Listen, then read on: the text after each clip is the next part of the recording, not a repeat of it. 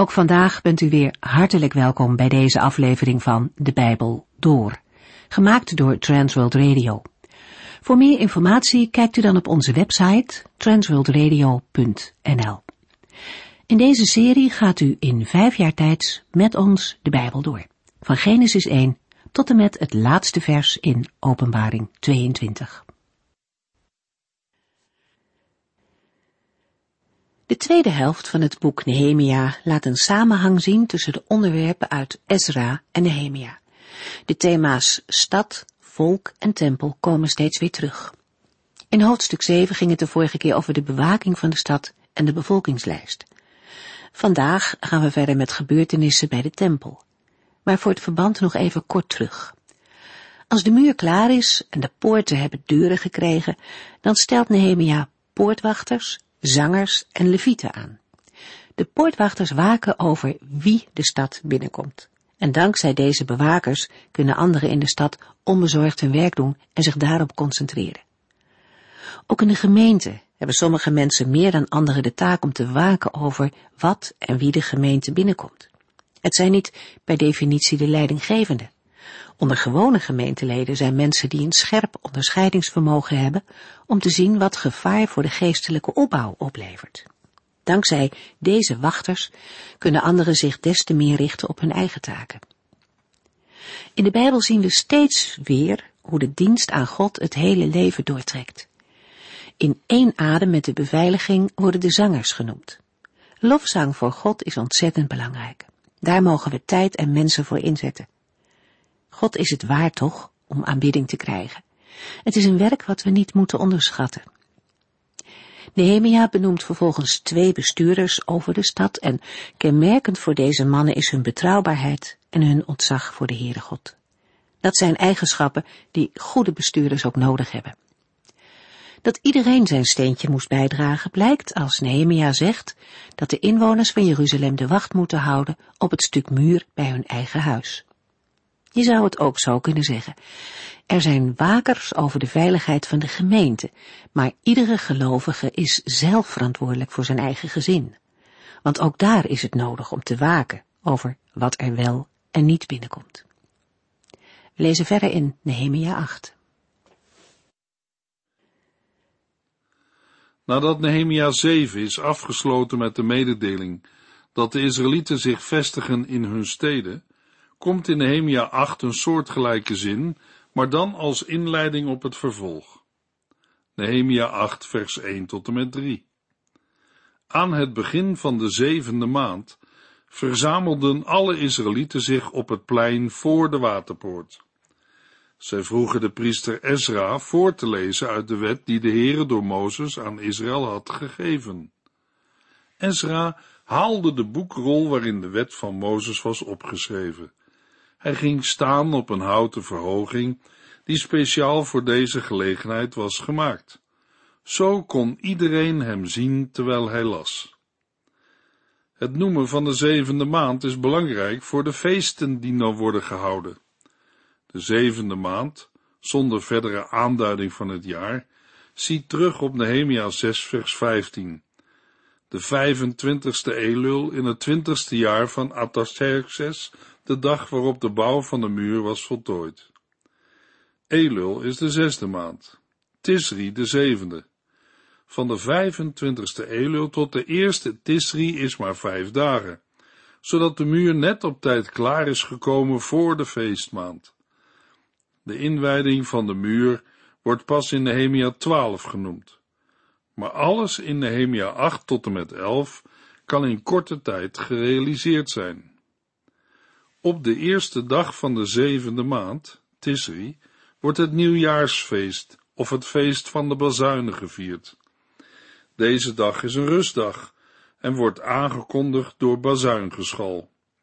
Op de tiende dag volgt de grote verzoendag en daarna wordt vanaf de vijftiende het Loofhuttenfeest gevierd. Het volk was hiermee vertrouwd. In Esra 3 hebben we al gelezen dat iedereen die naar Juda was teruggekeerd, naar Jeruzalem reisde. Toen, voor de start van de herbouw van de tempel, nu voor het voorlezen van de wet van de Here. Nehemia 8 vers 4 Hij, Ezra, stond aan het begin van het plein voor de waterpoort en las voor van zonsopgang tot in de namiddag. Ieder die oud genoeg was om het te begrijpen, luisterde aandachtig. Rechts van hem stonden Matitja, Sema, Anaya, Uria, Gilkia en Maasea.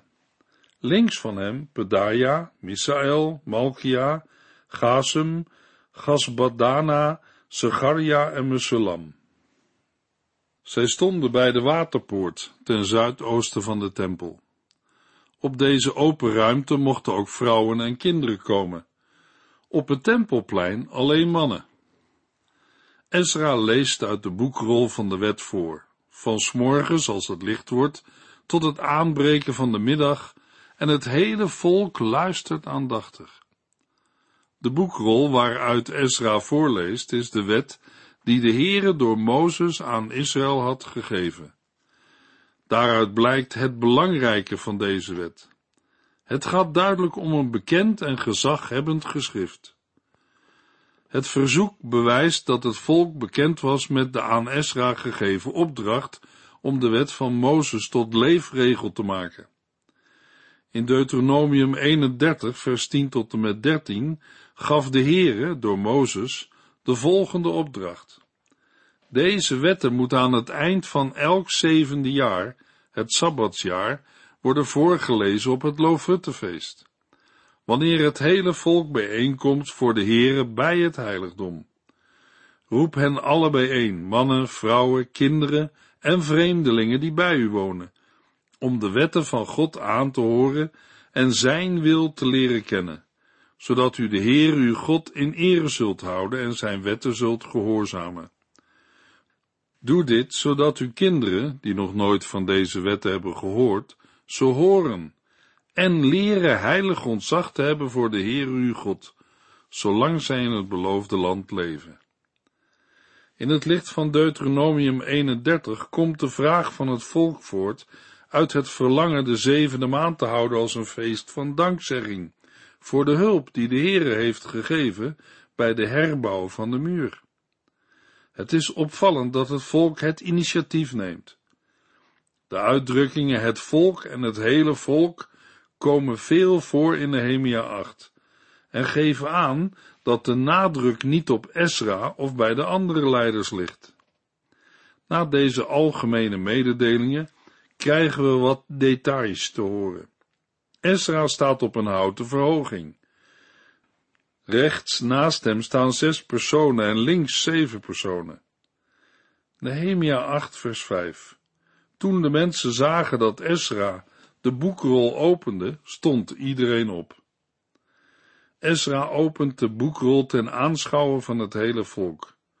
Zodra hij dat doet, gaat iedereen staan. Het volk, dat waarschijnlijk naar Oosters gebruik gehurkt heeft gezeten en niet op de grond zat, staat op. Volgens de rabbijnen was het vanaf de tijd van Mozes de gewoonte van de Israëlieten om te gaan staan als de wet werd voorgelezen, als teken van respect en eerbied. Dan gaat Esra voor in lofprijzing, zoals we ook hebben gelezen in 1 Kronieken 29 en Nehemia 9. Het volk stemt hiermee in door een dubbel amen uit te spreken en het opheffen van de handen. Daarna knielen zij en laten met de beide armen naar voren het bovenlichaam naar voren vallen, zodat het voorhoofd de grond raakt. Esra leest een selectie uit de Torah. De omvang is te groot voor een volledige voorlezing. Uit het vervolg blijkt dat hij de voorlezing onderbroken heeft en geholpen is door levieten. Dertien levieten geven het volk onderwijs in de voorgelezen wetten terwijl het volk daarbij op zijn plaats blijft staan. De levieten lezen uit de wet van de Heere en geven uitleg, zodat het volk begrijpt wat wordt voorgelezen. Nehemia 8 vers 6 tot en met 8 Ezra loofde de Heere, de grote God, en het hele volk zei, Amen, Amen, en hief de handen omhoog. Toen knielden zij, bogen diep en aanbaden de Heere.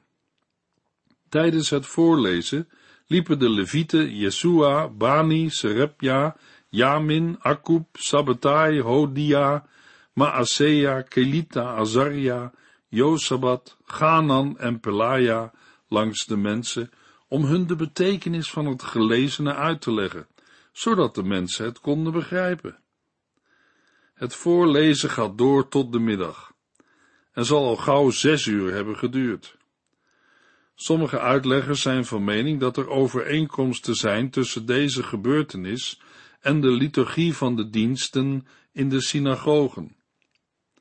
Maar die diensten kennen wij pas uit later tijd.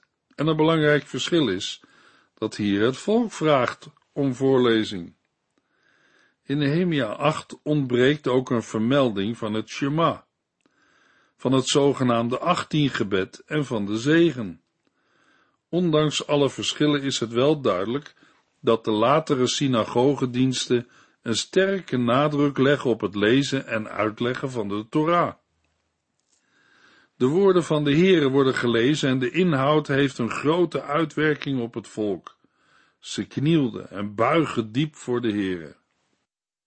Het diepe buigen betekent dat ze met beide handen en knieën en hun voorhoofden op de grond lagen. De levieten leggen de woorden van de Heere uit, zodat de mensen het konden begrijpen. Luisteraar, dat is ook een belangrijk punt voor ons. Het is mogelijk dat een mens hulp nodig heeft bij het lezen van de Bijbel. Ook vandaag moet je dan op zoek naar levieten die het woord van de Heere uitleggen, zodat ook u het woord van God mag en kan begrijpen.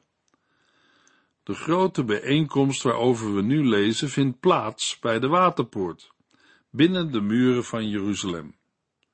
Nehemia 8 vers 9 Alle aanwezigen barsten in tranen uit bij het horen van de geboden uit de wet.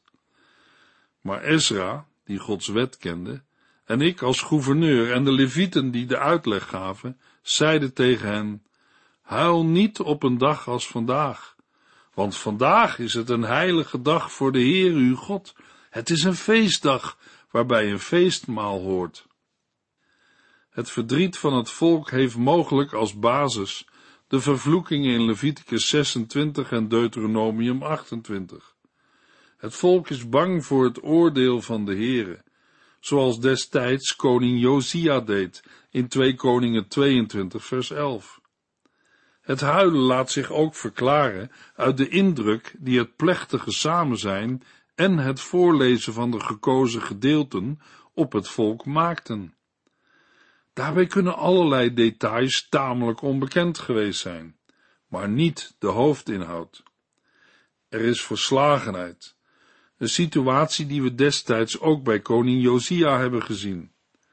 Koning Josia geeft opdracht om de heren te vragen, wat moeten wij doen? We hebben de aanwijzingen van dit boek niet opgevolgd. Uw toorn moet wel erg groot zijn, want onze voorouders hebben uw geboden niet nageleefd. De situatie in 2 Koningen 22 is niet zomaar gelijk te schakelen met de situatie in Nehemia 8, maar de ontdekkende werking van het woord van God wel.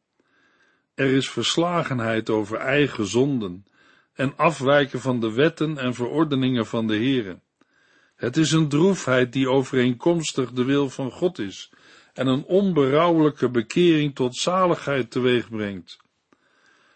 Vanuit de Israëlieten zelf, die daar op het plein voor de waterpoort liggen, is niets meer te verwachten. Nu de Heere door zijn woord hen zelf heeft ontdekt, aan eigen schuld en verlorenheid, is hun hoop alleen Gods genade. Wat gaat er nu gebeuren? Wat mogen Ezra, Nehemia en de Levieten tegen het volk zeggen? Hun woorden zijn het antwoord van de Heere. Huil niet op een dag als vandaag, want vandaag is het een heilige dag voor de Heere uw God. Het is een feestdag, waarbij een feestmaal hoort. De leiders en de levieten reageren door te zeggen dat deze nieuwjaarsdag heilig is voor de Heere en dat het volk geen rouw moet bedrijven. Meermalen klinkt in de wetgeving de oproep door om op de grote feesten vreugde te tonen. Waarom? Vanwege Gods genade in het verleden, die doorwerkt in het heden. Zij die onderwijs geven, moeten Gods rechtvaardigheid laten zien en de noodzaak van berouw, maar mogen ook niet vergeten om Gods liefde en genade te benadrukken. Aan het begin van het jaar hoort alle nadruk op het laatste aspect te vallen. Het is niet toevallig dat deze dingen gebeuren op de eerste dag van het nieuwe jaar. We hebben het al eerder gezegd, de zevende maand is de feestmaand. In Leviticus 23 en nummerie 29 vinden we de feesten die in deze zevende maand worden gevierd. Op de eerste dag van de zevende maand wordt nieuwjaar gevierd. Op de tiende dag van de zevende maand grote verzoendag. En van de vijftiende tot de 22e het Loofhuttenfeest. In dat licht moeten we de woorden van Nehemia 8 vers 9 begrijpen en verstaan. Huil niet op een dag als vandaag, want vandaag is het een heilige dag voor de Heer uw God. Het is een feestdag, waarbij een feestmaal hoort. Maar dan zijn we er nog niet, want nu wordt het spannend. Mogelijk verbaast u zich daarover, toch is het waar. Niet alleen voor de Israëlieten in de tijd van Ezra en Nehemia, maar ook voor u, luisteraar. De Israëlieten hebben de boodschap van de Heere gehoord. Het heeft hen geraakt en tot inkeer gebracht. Wat moeten ze nu doen? Niet huilen, maar feest vieren. Oké, maar wat is nu het spannende? Zullen deze verslagen mensen, de boodschappers van de Heere, geloven? Of blijven ze steken in het besef van eigen zonde en schuld? Komen ze door Gods genade uit bij een heilige dag voor de Heere, bij een feestdag, waarbij een feestmaal hoort? Deze vragen zetten ons ook stil bij onszelf. Luisteraar, gelooft u de Heer als hij zegt dat uw zonden zijn vergeven om Christus wil? Mag ik u de woorden van de apostel Paulus uit Romeinen 10 in gedachten brengen? Wat u zoekt is vlakbij, in uw hart en op uw lippen. Dat wil zeggen, de boodschap dat u op Christus moet vertrouwen, vertellen wij hier en overal. Want als u zegt dat Jezus Christus uw Heer is, en als u met heel uw hart gelooft dat God hem uit de dood heeft opgewekt, zult u gered worden. Door met heel uw hart op Christus te vertrouwen, wordt u rechtvaardig verklaard. En door daarvoor uit te komen, wordt u gered. Zo staat het ook in de boeken. Wie op hem vertrouwt, zal niet teleurgesteld worden. En het maakt geen verschil of u Jood bent of niet. God is Heer over allen. Hij geeft zijn rijkdom aan alle mensen, die een beroep op hem doen. Want er staat ook, ieder die de naam van de Heere aanroept, zal gered worden. Nehemia 8 vers 9 alle aanwezigen barsten in tranen uit bij het horen van de geboden uit de wet. Maar Esra, die Gods wet kende, en ik als gouverneur en de levieten die de uitleg gaven, zeiden tegen hen, huil niet op een dag als vandaag, want vandaag is het een heilige dag voor de Heer uw God. Het is een feestdag, waarbij een feestmaal hoort. Veel van de mensen onder het gehoor van Esra en het onderwijs van de Levieten, hadden het woord van de Heere nog nooit zo gehoord. Gods woord bracht hen tot blijdenis van zonde. Het veroorzaakte een grote emotionele uitbarsting met tranen en berouw. Op dat moment mogen de boodschappers van de Heere het volk zeggen, jullie tranen van berouw mogen tranen van vreugde worden. Ezra zegt in Nehemia 8 vers 10, Stuur een deel van uw maaltijd naar de arme mensen. Wees niet verdrietig, maar put kracht uit de vreugde die de Heere geeft. De vreugde van de Heer is uw kracht. Daarmee wordt de vreugde bedoeld over Gods goedheid, bewezen in de afgelopen tijd. Het is ook het vertrouwen wat de zekerheid bevestigt dat de Heer in het nieuwe jaar nabij zal zijn. In die vreugde mogen ook anderen delen. Daarbij past ook geen verdrietig gezicht. Met David in Psalm 30, vers 12 en 13 moet Israël dan zingen en beamen. U veranderde mijn droevig gebed in een blij danklied. U nam mijn rouwkleding af en bekleedde mij met vreugde, zodat ik voortdurend lofliederen voor u zou zingen. Heere mijn God, ik zal u altijd blijven prijzen. De vreugde des Heeren is mijn kracht. In Filippenzen 4 vers 13 zegt Paulus tegen de gelovigen, ik ben in staat alles te doen door Christus, die mij daarvoor kracht geeft. En in Filippenzen 4 vers 4, wees blij in de Heere. Ik zeg het nog eens, verheug u in Hem. Ook Paulus heeft in zijn leven ervaren dat de vreugde des Heeren zijn kracht is. Het woord van God kan een mens ontdekken aan zijn of haar zonde en schuld, maar Gods woorden van genade brengen ook vreugde. Met de woorden van de evangelist Johannes uit 1 Johannes 1 vers 4 kan ook ik ervan getuigen. Wij schrijven u dit allemaal om u te laten delen in de blijdschap die wij hebben ervaren. Luisteraar, wie u ook bent, waar u ook vandaan mag komen en wat er ook allemaal is gebeurd in uw leven. De levende God wil u in Christus zijn liefde verkondigen. Hoe ver u ook in de modder en het moeras van dit leven bent weggezakt, welke schuld of zonde er in uw leven ook mag zijn, u bent welkom bij de Heer Jezus Christus. Hij is degene die heeft gezegd, als de lasten u drukken en u vermoeid bent, kom dan bij mij. Ik zal u rust geven. Wat ik van u vraag is nooit te zwaar en de last die u voor mij moet dragen is licht. Gelooft u de Heer Jezus Christus op zijn woord? Als de Levieten het volk hebben gekalmeerd met de woorden, wees stil en treur niet langer, want dit is een heilige dag. Lezen we in Nehemia 8 vers 12. Toen gingen de mensen weg om een feestmaal klaar te maken en een deel ervan gaven ze weg aan anderen. Overal heerste vreugde, want de mensen hadden Gods woorden gehoord en begrepen. Toen ik door Gods genade de Heer Jezus persoonlijk mocht ontmoeten, sprak Hij woorden van leven tot mij. Toen ik mijn hart voor Hem openstelde, gebeurde Zijn wonder in mij. Met de dag ga ik beter beseffen hoe groot Zijn genade wel is en als de weg voor mij soms zwaar is, dan weet ik dat het de weg naar Zijn heerlijkheid is. Dan kan ik met vreugde zingen. Mogelijk kent u het lied. Met vreugde zal ik tot u zingen, Heer. U bent de rots van mijn verlossing. Ik kom met een danklied voor uw troon, o Heer, en verhoog u met gezang. U bent de heerser over al wat leeft. U houdt de diepte der aard in uw hand. Met vreugde zal ik tot u zingen, Heer.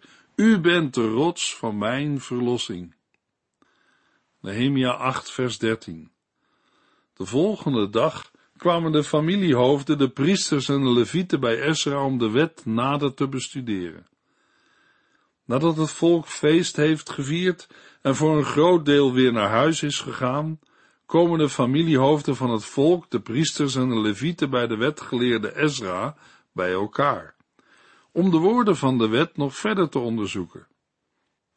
Omdat de tweede dag geen feestdag was, hadden weinigen de tijd voor verdere studie van de wet. Maar de leiders van het volk nemen er deze keer de tijd voor. Het onderzoek van Gods woord is nooit alleen een zaak van theologen geweest. In Nehemia 8 doen ook de familiehoofden bewust onderzoek naar de wil van God. Nehemia 8, vers 14 tot en met 16. Al lezend ontdekken zij dat de Heere het volk Israël had opgedragen in hutten te wonen tijdens het loofhuttenfeest. Dat feest viel juist in die maand. In alle steden, ook in Jeruzalem, moest worden bekendgemaakt dat de bevolking de bergen in moest trekken om takken van de olijfboom, olijfwilg, meerte, palm en andere loofbomen te halen. Daarvan moesten zij hutten maken, waarin zij tijdens het feest konden wonen. Toen trokken de mensen naar de bergen, haalden er takken en bouwden hutten op de platte daken van hun huizen, op hun binnenplaatsen, op het plein voor de tempel, op het plein voor de waterpoort of op het plein bij de Ephraimpoort. Tijdens het onderzoeken van Gods woord komen de familiehoofden, priesters en levieten tegen wat de wet voorschrijft over de viering van het Loofhuttenfeest. Het Loofhuttenfeest was voor de onderzoekers van de wet niet nieuw, want het feest was nog gevierd in Ezra 3. Maar waarschijnlijk waren onderdelen in onbruik geraakt.